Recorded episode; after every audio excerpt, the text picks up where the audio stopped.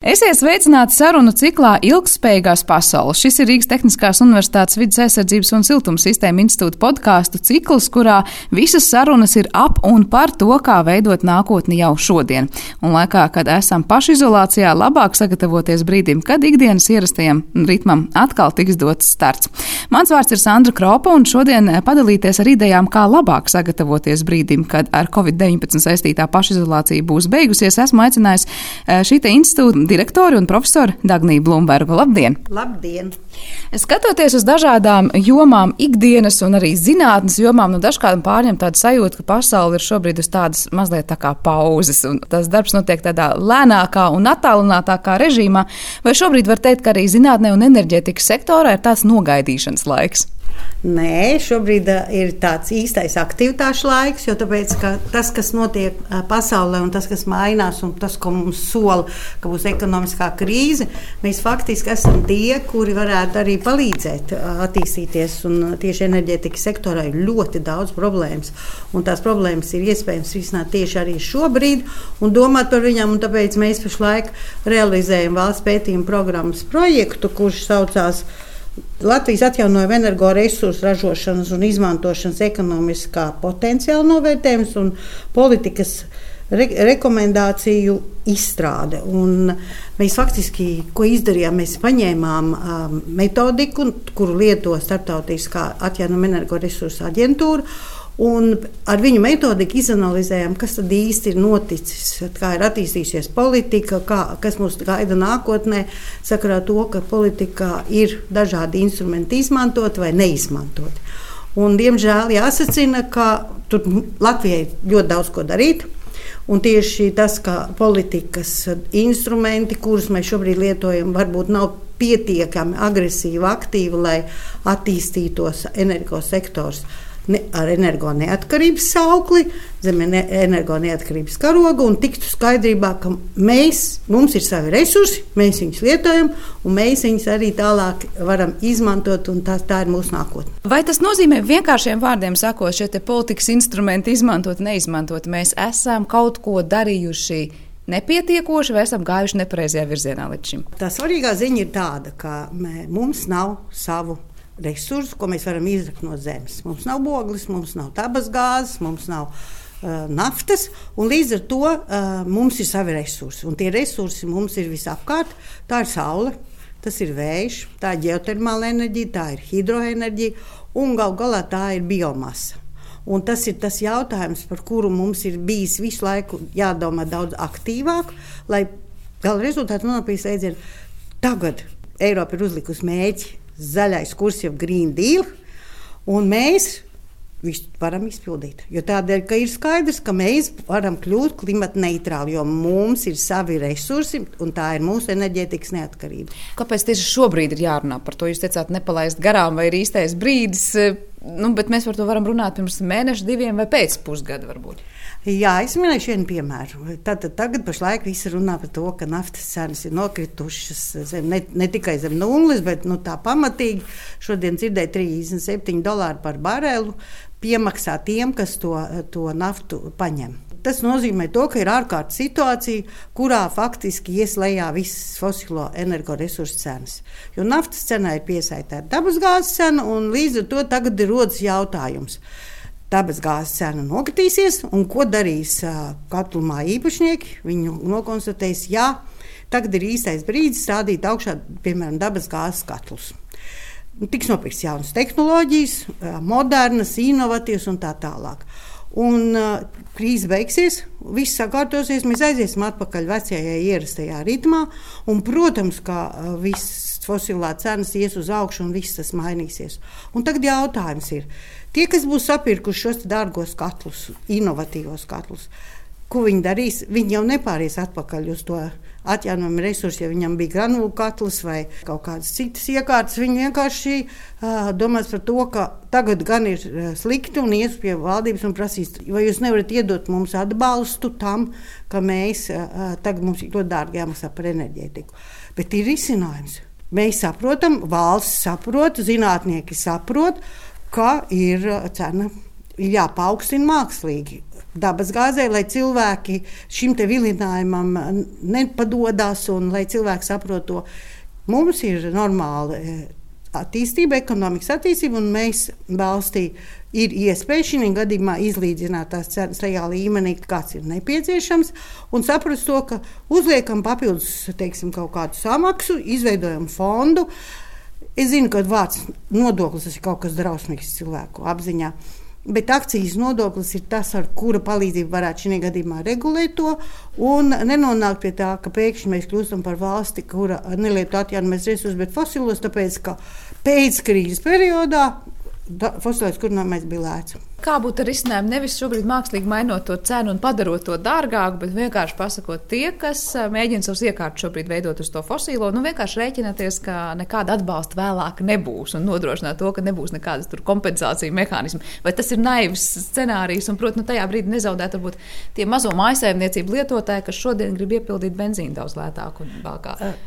Jā, tur ir uh, vēl jāņem vērā, ka lobbyis, kas nāk no fosilo kurināmā piegādātāja puses, fosilo degvielu piegādātāja puses, ka tas lobbyis ir, protams, vērsts tajā virzienā, pēciet pēc iespējas vairāk visas tehnoloģijas pārēt uz šo resursu izmantošanu. Un, uh, tas strādā daudz skaļāk, jo ja tās reklāmas, nu, teiksim, tas, ka mēs parunāsim, ka zinātnieki mēģinās pierādīt to, ka varbūt ir tiešām brīdis pamosties un saprast to, un, un saprast to ka nav mums iespējas, lai tie ir mūsu paši resursi, vietējie resursi. Tas ir, ir mūsu izdzīvošana, tā, tie, tā ir nodarbinātība, tas ir viss, kas ir saistīts ar valsts attīstību. Un tad tas lobbyisms darbojas dažādos virzienos, un lobbyisms vispār pats par sevi nekas slikts nav bet šī gadījumā viņiem ir daudz vairāk naudas un reklāmas. Bet īstermiņā tas liekas arī kā risinājums. Nu, piemēram, labi, ja mēs runājam par to kaut vai enerģētiku, arī liekas, nu, īstermiņā šobrīd, ja to fosīlo resursu cenas ir zemas, tādam vienkāršam mazajam mājsaimniecības lietotājam, tas taču ir izdevīgs brīdis. Jā, uz īstermiņā tas noteikti ir. Uh, uz, nu, es nesolu, ka tas būs gads, bet varbūt pusgads. Jā, protams. Un tad ierodas katlu piegādātājs, kas tirgo dabas gāzes katlus. Viņš saka, bet tu stādies priekšā, cik tas tev būs lēti. Tas tev katls tev ātri atmaksāsies un vispārējais. Un, un tajā brīdī tas strādā, tāpēc, ka cilvēks ir pieredzējis domāt īstermiņā un domāt par to, kas būs ilgtermiņā. Es atceros, mēs nodarbojamies ar Kūdīgā. Pirmais energoefektivitātes projekts bija māja, kurā dzīvoja gandrīz visi pensionāri. Un tur tajā mājā dzīvoja viens kolhozā priekšsēdētājs bijušais. Un tas bija tālākais 2000. gads. Un viņi aizgāja uz banku un vienkārši paņēma kredītu, nosiltināja māju un saved viņu kārtībā. Tajā brīdī, protams, ka vislielākoties par to uh, satraucās un stāstīja par to, ka, ko jūs iedomājaties. Jums taču visu, vispār jūs nesaprotat, kādas tās ir šausmas un cik jūs visu mūžu vergosiet, lai to kredītu atmaksātu un tā tālāk. Kredītu viņi atmaksāja ātrāk nekā vajadzēja. Tajā brīdī aizgāja augšā kurināmā cenas, siltumenerģijas cenas aizgāja augšā un viņi to kredītu atmaksā ļoti ātrā laikā. Un tajā brīdī viņi domāja ilgtermiņā. Pārējie visi Rīgas daudz dzīvokļu mājas, viņi visi domā īstermiņā. Viņi domā par to, ka oh, tagad mēs nosiltināsimies un mums būs jāmaksā dārgāk un tā tālāk. Bet ir taču visādi risinājumi. Tieši tas pats ir ar atjaunojumiem resursiem. Bet vai šos risinājumus mēs kā, jūs kā zinātnieki vairāk adresējat tādiem lēmumu pieņēmējiem, tādām lielajām, var teikt, līnijām, kas mainīs to kursu, kurā mēs dosimies, vai tiem maisaimniecību lietotājiem, proti tam, kuram ir tagad gāzes katls mājās, jūs teiksiet, uzstādiet saules kolektoru? Mēs faktiski neteiksim nevienam. Mēs gribētu, lai pamostās mūsu sabiedrība, tāpat kā visi pamodās. Tad, brīdī, kad valdība teica, palieciet mājās, mēs gribētu, lai valdība pasakā. Vietējie resursi ir mūsējie. Mēs neimportēsim nekādus resursus, mēs lietosim vietējos resursus, mums būs nodarbinātība, pieaugs, valsts nauda neaizies uz ārpus un tā tālāk. Mums vajadzētu, lai valdība nākošais sauklis ir šis sauklis ejam uz priekšu. Vietējie resursi, tā ir mūsu nākotne. Kas no tiem vietējiem resursiem, jūsuprāt, vai jūsu pētījumi rāda, Latvijā ir tie nu, lielākie teikt, pilāri, uz kuriem balstīties? Pirmkārt, tā ir biomasa, par kuru ļoti daudz runā. Tātad malkas katli, šķeldas katli, granulu katli un tā tālāk, un dažādi, dažādi varianti, un tā tālāk, un dažādas jaudas un dažāda pieejamība. Bet nākotne biomasai enerģētikā ir limitēta, ierobežota tieši no tā viedokļa, ka biomasa tiks izmantot bioekonomikā. Un bioekonomika ir tā, kas prasīs pēc iespējas vairāk resursu, lai ražotu produktus ar augstāku pievienotu vērtību. Un tajā brīdī enerģētikai paliks tikai zemes kvalitātes kurināmais, un šis zemes kvalitātes kurināmais nākotnē domājot, izraisīs nepieciešamību radīt jaunas tehnoloģijas, inovatīvas tehnoloģijas, kur var efektīvi sadedzināt. Tas nozīmē vienkāršiem vārdiem, ja mēs šobrīd dedzinām koksni, tad nākotnē tas nebūs izdevīgi jebkurā gadījumā, jo tā koksne aizies tur kaut kādu īpašu krēmu vai, vai nezinu, kosmētikas vai medicīnas līdzekļu ražošanai. Jā, būvniecības materiāli, ķīmija, pat saldinātāji ražotāji, mākslīgie. Tur ir uh, tekstila ražotnes, papīra ražotnes. Noteikti ir pie, pie tūkstoši dažādu produktu, ko var ražot, ražot no koksnes. Mēs tagad paņemam vienkārši iemetam kurtuvē. Proti, tātad koks neaizies bioekonomikai, kas ir ar augstāku pie, pievienoto vērtību. Viņa aizies arī tādēļ, ka tautsājumniecība attīstīsies, un šeit atkal, ja valdība uzliks šo par augstāko mērķi, jā, turpinam ar to, ka bioekonomika ir mūsu nākotne, jo resursi atkal ir mūsējais. Un mēs varam, un līdz ar to, piemēram, ražot tekstilu no koksnes, un tekstilu pieprasījums pasaulē, Ķīna, Indija, tur tirgus ir tik plašs, ka tur vispār to piepildīt nevar. Un līdz ar to šeit tas, tas uzreiz paver ļoti plašas iespējas. Biodegvielas ražošana no koksnes un tā tālāk.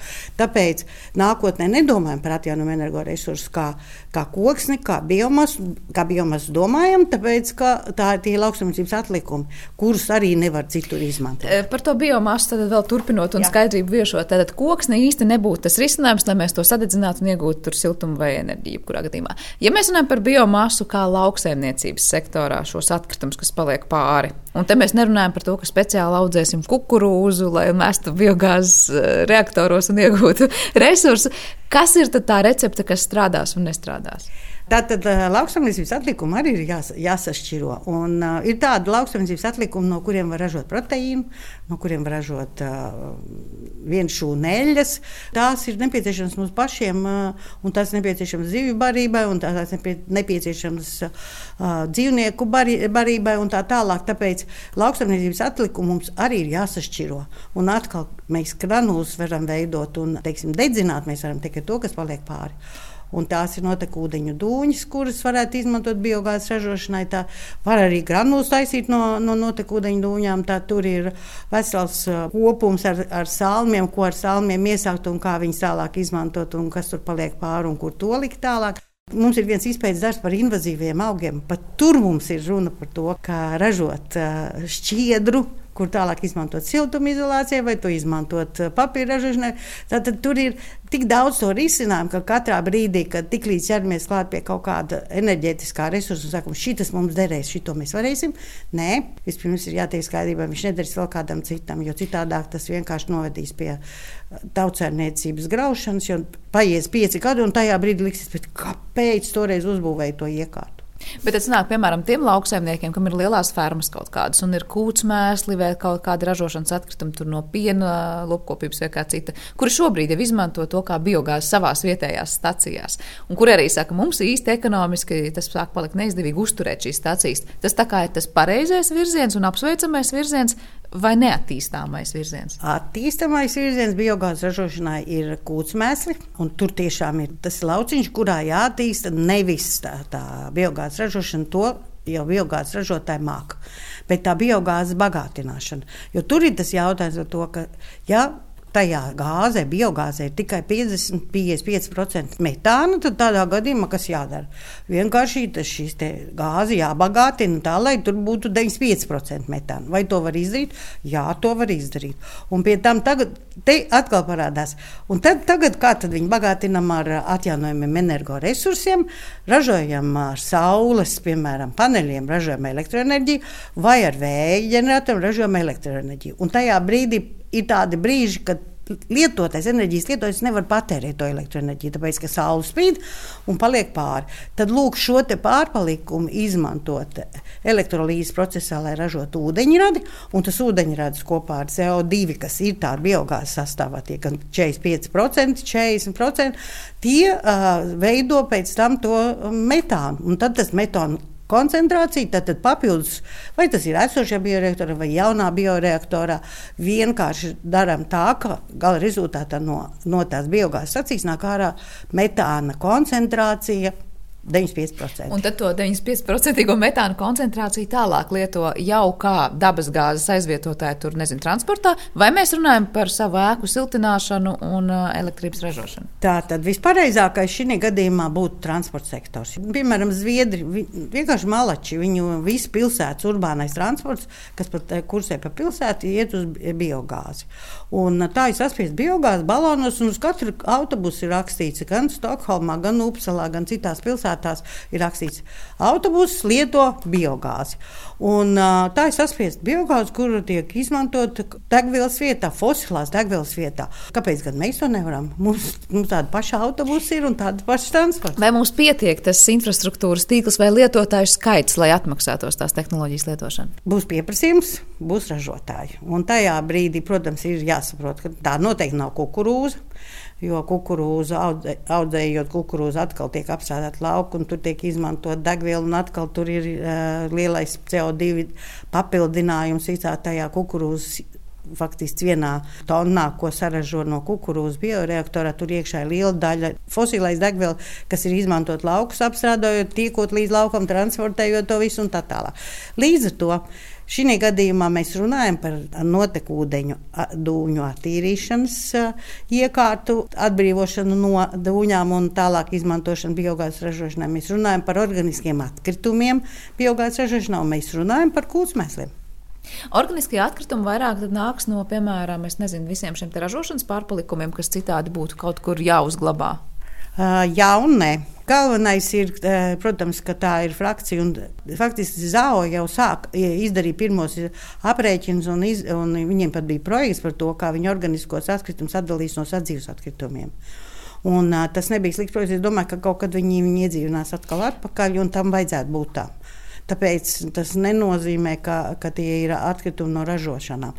Tikai tajā brīdī, kad neko nevar izmantot, tad tajā brīdī izražot biogāzi. Vēl noslēdzot šo jautājumu par biogāzi, nu nav tā, ka atkal no vienas puses, jā, jūs teicāt, būs pieprasījums, būs ražotājs, bet kamēr, piemēram, nav atbilstošu vai pietiekoši liels skaits kaut vai degvielas uzpildes staciju, kur kaut ko tādu varētu uzpildīt.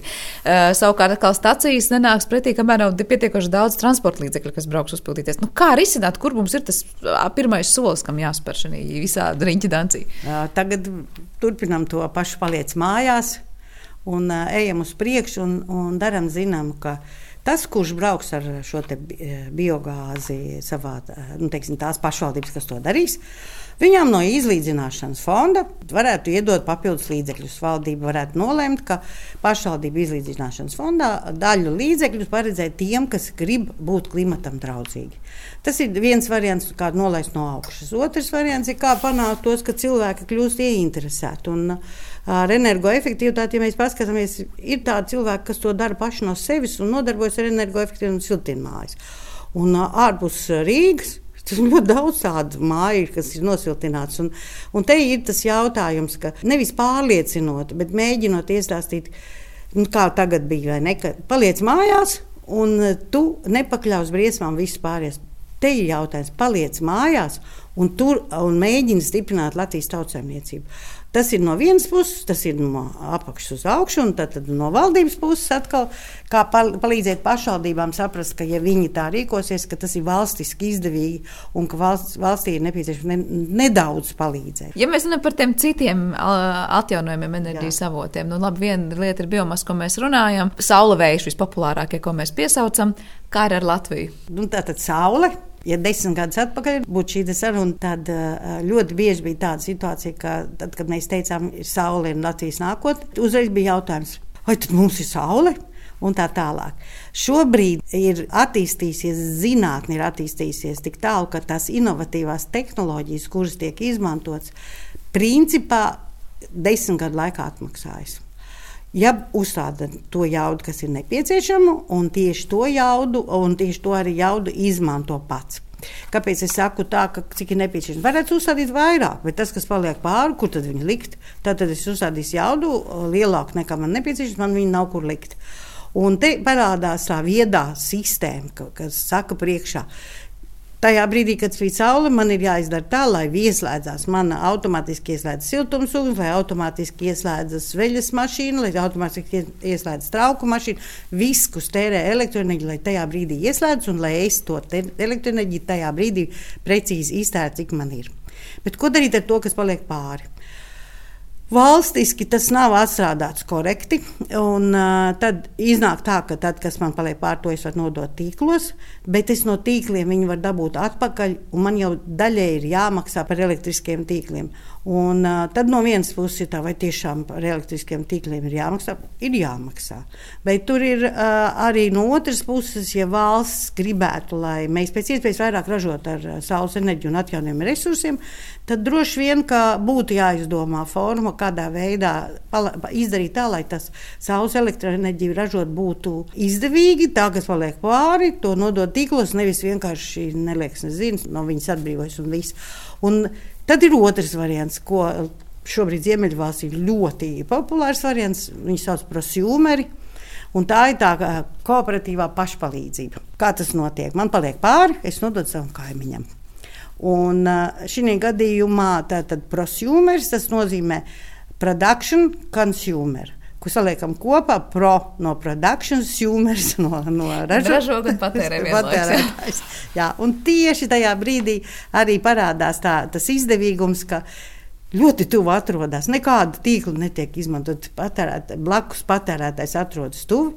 Un tad ir jautājums tikai, kā notiek norēķini un kā to tālāk attīstīt. Vai to mēs varam šobrīd grūti, bet uh, Ziemeļvalsts to var un mēs arī drīz varēsim. Mēs vienkārši varētu pārņemt viņu modeli, vai mums būtu kaut kāds savs jāizstrādā. Nu, nedara tas, kas dara piemēram Zviedrijā, tāpat arī Latvijā. Kāpēc nedara? Latvijas, kāpēc Zviedri cenšas izmantot tik daudz atjaunojumus resursus un uh, kāpēc viņiem pāri 50% atjaunojumu resursu? Ļoti vienkārši. Viņiem ir ļoti liels CO2 nodoklis. Tas ir kaut kādas 20 reizes lielāks nekā mūsējais. Bet tas jau ir jau desmit gadus, ne pat vēl vairāk, es domāju, ka 15 gadi. Un tas vienkārši nes līdzi to, ka katra megavatstunda, ko saražo ar fosilējiem, tas ir nodoklis, kas jāsamaksā papildus speciālās Zviedrijas finanšu kontā sakrā ar to, ka es ietekmēju klimatu. Un ar, ar atjaunojumiem resursiem nekāda nodokļa nav. Un tāpēc uh, viņi pagriezās ar sevi pret problēmu un to problēmu tādā veidā risināja. Es tādos priekšā, kā tas būtu, ja Latvija teiktu, nu tagad CO2 nodokli mēs arī varētu ieviest. Skaidrs, ka visi būtu pret, bet neviens jau neaizdomājas to, ka mēs piedalāmies emisiju tirdzniecības schēmā un mums emisiju tirdzniecības schēmas dalībnieki visi maksātu šo, te no, šo te CO2 nodevu, jo Ja elektroenerģijas ražošana nekāda subsīdija nav no, no Eiropas. Ja es ražoju elektroenerģiju ar fosiliem, tad par katru megawatu stundu uh, saražoto es atskaitos, cik tonnas CO2 ir uh, izmests atmosfērā. Un es par to tonu CO2 maksāju atkarībā no tā, kāda ir CO2 cena tirgu. Šobrīd viņi ir pie 25 eiro par tonu CO2. Ja to mēs paceltu un teiktu, kāpēc mēs nevaram kaut kā līdzvērtīgi tikt galā arī ar visiem pārējiem, kas ir citas valsts to dara, mēs, mums ir tie 4,5 eh, eiro par tonu CO2, kas ir vienkārši smieklīgi maz un nekad nestrādās. Mazliet atgriežoties pie tā prosumera principa, proti, tajā brīdī varbūt muļķīgs jautājums, ja cilvēks ir saražojis par daudz sev, viņam šobrīd nevajag to enerģiju un iedod kaimiņam. Kur lielās līnijās atšķiras, vai viņš šobrīd atdod tam tīklam, un tīkls ir tas klients, kas to paņem no cilvēka, vai kaimiņš ir tas klients, kas paņem to pārpalikumu? Kāpēc viens būs un otrs nebūs izdevīgs? E, jā, nu šeit ir tas atbilde ir tāda. Es uh, iegūdu naudu saules panelī par elektroenerģiju runājot. Un es gribēju, lai tas man pēc iespējas ātrāk atmaksātos. Uh, viens variants ir tas, ka es iegūdu uh, tik daudz, cik man vajag, un tad, tad, tad, tad būs ļoti mazi, uh, mazas jaudas. Un tad tajā brīdī varētu arī parādīties, ka tās izmaksas uz, uz vienu tehnoloģijas vienību, kapitāla ieguldījumi ir, ir daudz lielāki nekā, ka es uzliku nedaudz lielāku. Tad es ņemu un izrēķinu, cik man vajadzētu uzlikt, lai man tas atmaksātos, man pašam tas atmaksātos, pieņemsim, 12 gados. Un tad, man, tad es konstatēju, ka es varu saražot vairāk nekā es varu patērēt. Un tajā brīdī Man ir skaidrs, ka es to varētu nodot savam kaimiņam, to kas man paliek pāri, un no viņa dabūt atpakaļ to kompensāciju, ka es pamazām dabūju, ka man atmaksājas tas saules panelis ātrāk. Bet um, kaimiņš maksās naudā uzreiz ar pārskaitījumu. Tā ir kā es būtu lielais enerģijas ražotājs un dotu kaimiņam enerģiju. Jūs ko tagad jau ir ne tikai prosjūmeri, bet ir arī agregātori, kas ir izdomāti elektroenerģijas jomā. Un tie agregātori darbojas pēc tāda principa, ka viņi vispār visu, apzina visus, kam paliek pāri, viņi ir tie, kas tā, tā kā dispečera dienestam nelielajam kvartālam, nelielajam tam, es nevaru teikt rajonam, bet tā, tas ir kaut kāds, teiksim, pilsētas ietvaros neliela lietotāju kopa, un ir šis agregātors, kas sadala, ā, tev var vajadzīgs priekš datorcentra nodrošināšanas elektroenerģiju, bet tev paliek pāris siltums. Tagad mēs to siltumu izdomājam, jo tāpēc, ka datoru dzēsēšanai ir paliek pārsiltums. To mēs varētu nodot tam lietotājiem. Šī schēma, tas gan šobrīd vairāk jātiec uz elektroenerģiju, bet ļoti drīz tas būs arī uz siltumenerģiju, kā uh, veidojas jau tāds uzņēmums vai dispečera dienas, kas, kas savāc to, kas paliek pāri un zina, kam to vajadzēs. Un, protams, ka tā samaksa ies caur šo agregātoru. Ar to, kā, protams, Šumir savā starpā norēķinās. Nu, tas ir jautājums, ko valstī atļaus. Tāpēc, tur ir jautājums par, par pievienotās vērtības nodokli, par, to, par ienākumiem un tā tālāk. Tas ir attīstāms, tas ir vienkārši. Tur nav nekas jauns, jāizdomā, jo citās valstīs tas darbojās. Nebūs tur kaut kāds risks, ka pēkšņi cena tiek prasīta neadekvāti augsta, un savukārt atkal cilvēks, kurš saka, ņem to enerģiju, ir kaut kādā brīdī nu, neizdevīgā pozīcijā, jo viņš nevar viņu paņemt no kāda cita tajā brīdī. Es domāju, ka to arī varēs paredzēt. Tur varēs attīstīt un paredzēt dažādos veidos, jo tāpēc, tas, ir, tas viss ir attīstībā. Tā kā ja mēs piecus gadus atpakaļ par to vispār nerunājām, tad tikai zinātnieki savā starpā stāstīja, ka tā, tas ir jādara un pēc iespējas ātrāk, tad šobrīd jau tas ir reālā dzīvē, ir valsts, kas, kas to realizē. Cik tālu Latvijā mēs esam no tā, lai tas būtu reālajā dzīvē? Nu, man jāsaka, Igauni tālāk. mēs esam vēl joprojām diskutējam. Noteikti e, ir, ir organizācijas, kas mēģina pierādīt, ka tas nedara nekur, ka tas radīs e, jaunas e, šausmu sērijas, ka tur varētu parādīties jauns soļi. Tā kā mēs neticējām, ka var liberalizēt elektroenerģijas tirgu. Ka var liberalizēt gāzi. Tā, tā, šita, tas, šis ir tajā stadijā, priekšstādījā, ka, kur mēs bijām, kad liberalizējām uh, tirgus. Tā kā mums vēl ir tāls ceļš. Um, Vai mēs domāju, varam pā, pātrināt to ceļu? Nē, nu tagad sēžot mājās, viens otrs noteikti sāks domāt, ka mans bizness ir pajucis, pabrucis un ka es varēšu kaut ko izmainīt šajā jādien. Tas, tam vajadzētu attīstīties daudz ātrāk, tāpēc, ka cilvēki, kas sēž mājās, viņi domā par to, un viņiem ir skaidrs, ka man ir jāsāk jauns bizness, un tiem, kuriem pietiek drosmes, tie būs uzvarētāji, vinnētāji.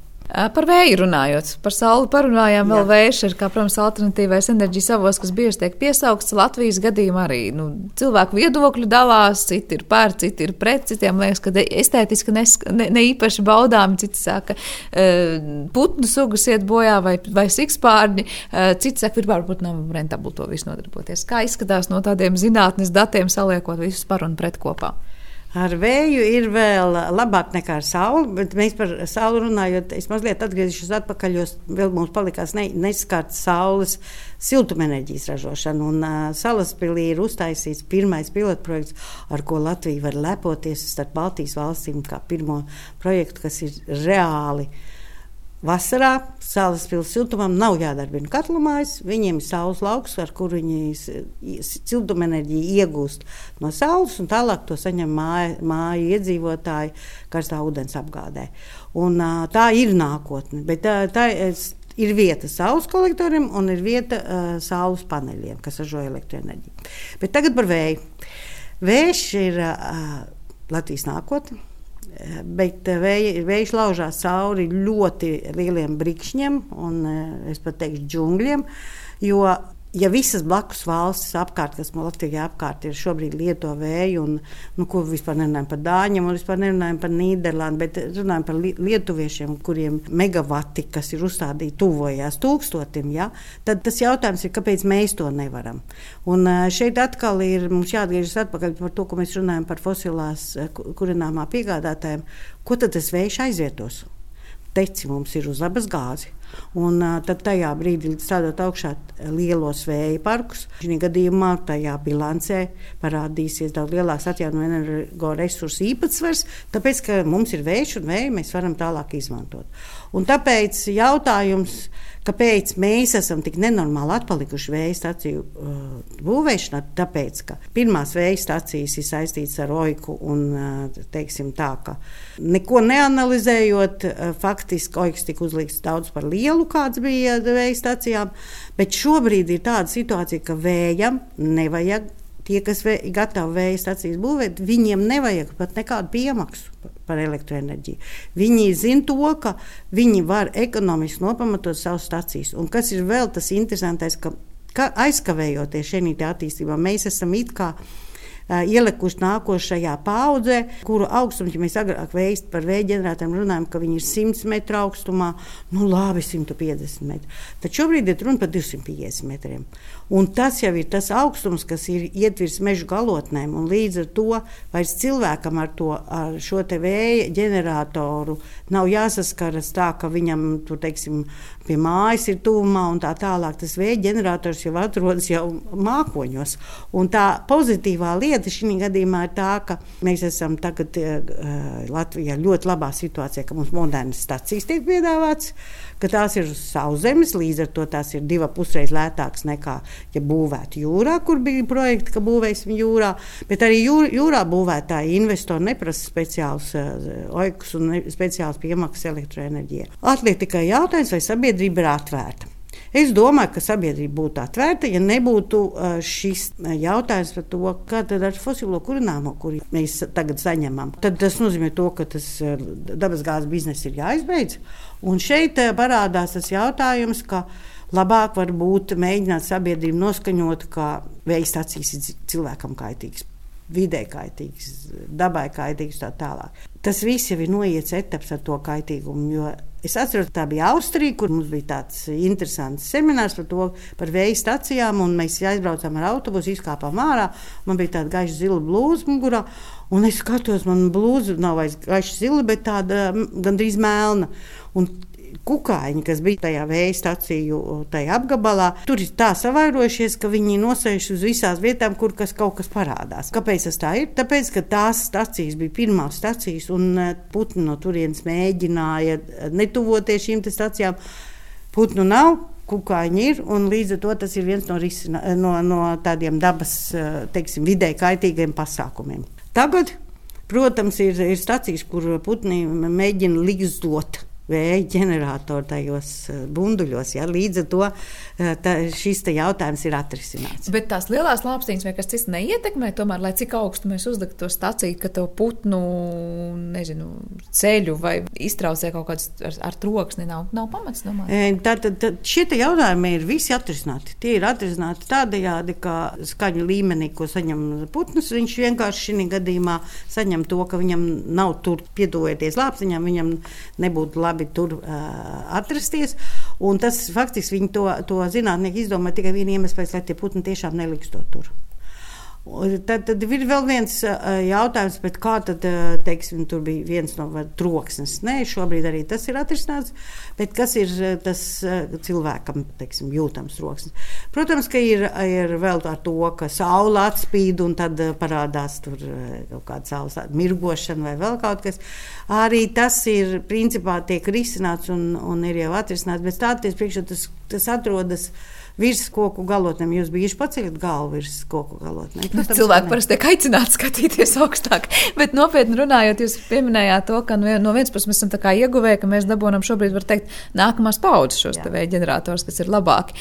Tikpat labi varētu domāt, varbūt vēl ir jānogaida, un mēs dabūsim kādu interesantāku un izdevīgāku brīdi, lai vispār ieviestu šos atjaunojamos energoresursus, kur jūs sarunas sākumā teicāt, nē, mēs varam pazaudēt to īsto brīdi. Kā tad īsti ir? Tas viss ir rēķināms, jo viens ir teiksim, jautājums, vai ir atrisināts vidas problēmas. Principā ar vēju ir atrisināts vidas problēmas, vidas ietekmes uz vidi. Vai ir atrisināts jautājums ar ietekmi uz klimatu pārmaiņām. Jā, tas ir pasākums, kas tiešām samazina ietekmi uz klimatu pārmaiņām, salīdzinot ar fosilējiem. Un tad ir pārējie jautājumi. Tad sākas sociālais jautājums, vai pieaug nodarbinātība, vai pieaug imports. Netiek importēta fosilā degviela, līdz ar to mēs esam atkal ieguvēji. Un pēdējais jautājums - ekonomika. Tas absolūti nav pēdējais, tas ir pats pirmais. Un uh, ekonomika tāda, ka mums nav, valstī nav jāsubsidē. Valsts, ja investors ir gatavs būvēt, valstī vienkārši ir, ir jāpasaka, jā, vēja stacijas Latvijai ir nepieciešams. Un kas ir vajadzīgs? Vajadzīgs, lai ierakst napā Bet naps jau ir uztaisīts un tur nav ierakstīts. Tā tad ir, ir vajadzīgs, lai ieraksta Nacionāla enerģētikas un klimata plānā 2030. Tur ir vairāk virziens uz vēju jūrā, kas ir divi pusreiz dārgāks. Un, un teiksim, šī gadījumā runājot, ka, ja mēs runājam ilgtermiņā par 2050. gadu, var gadīties, ka 2040. gadā vēl vajadzēs piebūvēt klāt jūrā, bet uz sauszemes mēs tiešām nesam būvējuši, un mums ir pēdējais brīdis to darīt.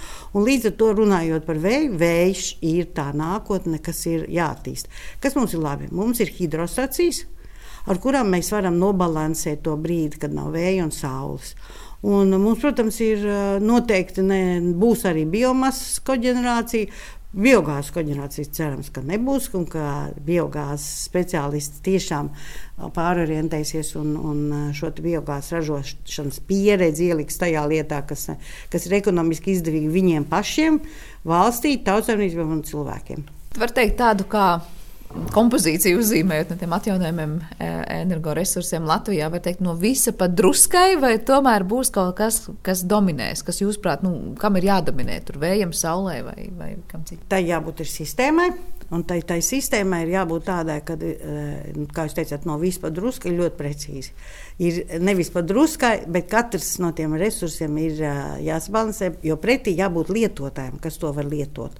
Un tāpēc tā, tas, pie kā mēs šobrīd ļoti daudz strādājam, tā ir tā viedā sistēma. Kā tas lietotājs pavērs pretī pret to to brīdi, kad ir tas, tā, tā pieejama tā enerģija, tajā brīdī mēs uzlādēsim akumulators, tajā brīdī mēs uh, izmantosim visu, ko mēs varam izmantot. Un tajā brīdī, kad ir šīs lielās maksimums slodzes, ja pīķis slodzes, kā viņas sauc, tajā brīdī mēs skatāmies, varbūt mums tajā pīķis slodzē nav vajadzīgs, ka mēs varam šī gadījumā atslēgt iekārtas kuras darbojas uz akumulāciju, vai arī teiksim, izmantot maksimāli izmantot naktas režīmā, piemēram, vējš ļoti bieži ir naktas laikā un tā tālāk. Un atrast iekārtas, uz kuras tajā brīdī, kad vējš ir un uh, lietotāji nav, kurā vietā šo te likt. Un tāpēc es arī teicu, ka piemēram, tā pati biogāzes bagātināšana ar to ūdeņraža ražošanu no atjaunojumiem resursiem, tā ir viena, viens no, no ģeniāliem risinājumiem tālāk, kā biogāzes varētu izdzīvot biogāzes ražošanu. No tādas ainavas perspektīvas lūkoties, kādu jūs uzbūrat to ainu, vai tas nozīmē katrā ciemā pa kādam vēja parkam, vai atkal tā vēja ģeneratori tiek izvietoti kaut kādās noteiktās mazāk varbūt redzamās vietās, vai pie katras privāta mājas pa vienam saules paneļi un saules kolektori arī uz katras lielākas ēkas jumta un privātmājas jumta. Kāds, jūsuprāt, varētu būt tas ideālais scenārijs? Vēja ģeneratori mežu apvidos, kur daudziņi netraucē arī vidas ainavai. Par sauli runājot, nu, it kā ir mums pietiekami daudz zemes, uz kuras mēs varētu novietot saules paneļus un saules kolektors. Bet uh, man šķiet, ka tie saules paneļi pēdējie paneļi ļoti skaisti izstāsta arī uz ēku sienām, uz ēku jumtiem. Uh, protams, Visi rūpniecības uzņēmumi, viņiem vienkārši ir tie plakanie jumti, viņi var tur uzlikt gan saules kolektors, gan saules paneļus un to izmantot un tā tālāk. Un vienkārši uh, nevis pārspīlēt un būvēt to, kas nav vajadzīgs un to, ko nevar nodrošināt uh, lietotājiem tajā brīdī vienkārši nebūvēt pēc iespējas lielāk, bet domāt, rēķināt un, un skatīties tieši, cik tas ir vajadzīgs. Sauli mēs neesam izsmēluši individuālajiem lietotājiem, mēs neesam izsmēluši lauksaimniecību. Lauksaimniecībai ir tik daudz plašas robežas, visas kaltes, žāvētavs un tā tālāk. Tas ir jautājums par mājasaimniecībām, tas ir jautājums par pakalpojumiem un tā tālāk. Un, protams, kā, ja mēs padomājam, kā teiksim, to pieredzi pārņemt no Skandināvijas valstīm, viens no tādiem pievilinātājiem ir par to, cik es esmu videi un klimatam draudzīgs. Un tas ir viens no saukļiem uh, Ziemeļvalstīs. Kāpēc ne pie mums? Mēs jau arī tieši to pašu varam ieviest. Bet atkal tas jautājums ir, jā, tas jau ir zinātnieku sapnis, bet ar to jau tas sapnis arī beidzas ar to, tāpēc, ka cilvēki jau saprot, ka tas nav praktiski. Nē, šoreiz tas sapnis ir, ir precīzi kopā ar praktiskām lietām. Un, lai tas sapnis būtu ar to praktisko pielietojumu, nevis vienkārši sapnis par skaistu ideju, Jūs sakāt, visu laiku ir tas īstais brīdis. Varbūt eh, noslēdzot šo sarunu, tas īstais brīdis nepalaist garām. Ir tāpēc, lai mēs sasniegtu lielos, skaistos 50 gadus mērķus, vai tāpēc, lai mēs jau nebūtu ekonomiski zaudētāji tur pēc gada, diviem vai desmit? Tas īstais brīdis ir tāpēc, ka tautsēmniecība piedzīvos ekonomisko krīzi un enerģētika spēlē ļoti būtisku lomu. Un šeit ir tas brīdis, kad ļoti daudz ko var izdarīt jau šobrīd, gatavojoties tam. Un um, šos risinājumus, kas jau ir uh, skaidri, vienkārši valdības līmenī nolemt, mēs ejam uz priekšu. Tiek darīts zināms, apstiprināts, tas no, nostiprināts likum, ar likumdevēju palīdzību. Un sakam, visi tie, kas uzliks saules kolektors un saules uh, paneļus uz saviem jumtiem un izmanto šo saules enerģiju, mēs viņiem iedodam uh, nodokļu atlaidi, piemēram, īpašumu nodokļu atlaidi, piemēram. Tā kā e, recepts ir, skaidrojumi ir, zinātnieki pie tā strādā. Galvenais ir atrast dzirdīgās ausis, tā var teikt. Galvenais ir e, novest līdz e, apziņai, ka tas mums ir vajadzīgs, tas ir ekonomiski izdevīgi, un tas ir videi draudzīgi, tas ir klimatam draudzīgi. Un uh, tad mēs arī pildīsim dažādus tur, tos, to, ko esam apņēmušies. Paldies par šo sarunu. Profesor Dagnija Blumberga šodien šajā podkāstu ciklu sērijā es atgādinu, ka arī turpmāk šajā te podkāstu sarunu ciklā ilgspējīgās pasaules varēsiet dzirdēt interesantas sarunas par to, kā zinātnieki var palīdzēt būt īstajā vietā un īstajā laikā jau šodien. Piebildīšu tikai to, ka šis podkāstu cikls ir klausāms gan Anthor, gan Spotify platformās.